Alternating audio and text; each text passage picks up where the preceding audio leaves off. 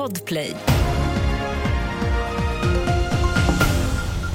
Först i nyheterna att polisen larmades till en explosion vid en villa på Körn i natt. Larmet kom in strax före klockan tre och när polisen kom dit kunde de konstatera att en kraftig detonation förstört delar av uteplatsen. Vad det är som exploderat är oklart. Ingen person har skadats. Det utreds som allmän farlig ödeläggelse. Även i Malmö har det varit en kraftig explosion på en balkong till ett flerfamiljshus i natt.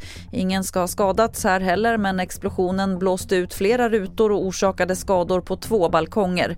Polisen säger till TT att det inte rör sig om någon så kallad banger som exploderat utan något betydligt kraftigare. Vi avslutar i Ecuador där våldet trappas upp och minst tio personer dödades igår i vad landets president Daniel Noboa beskriver som en intern väpnad konflikt med mäktiga knarkkarteller.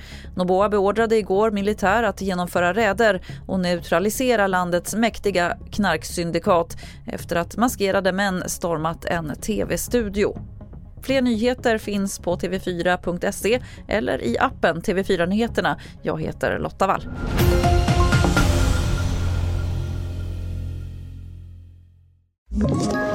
Ett poddtips från Podplay.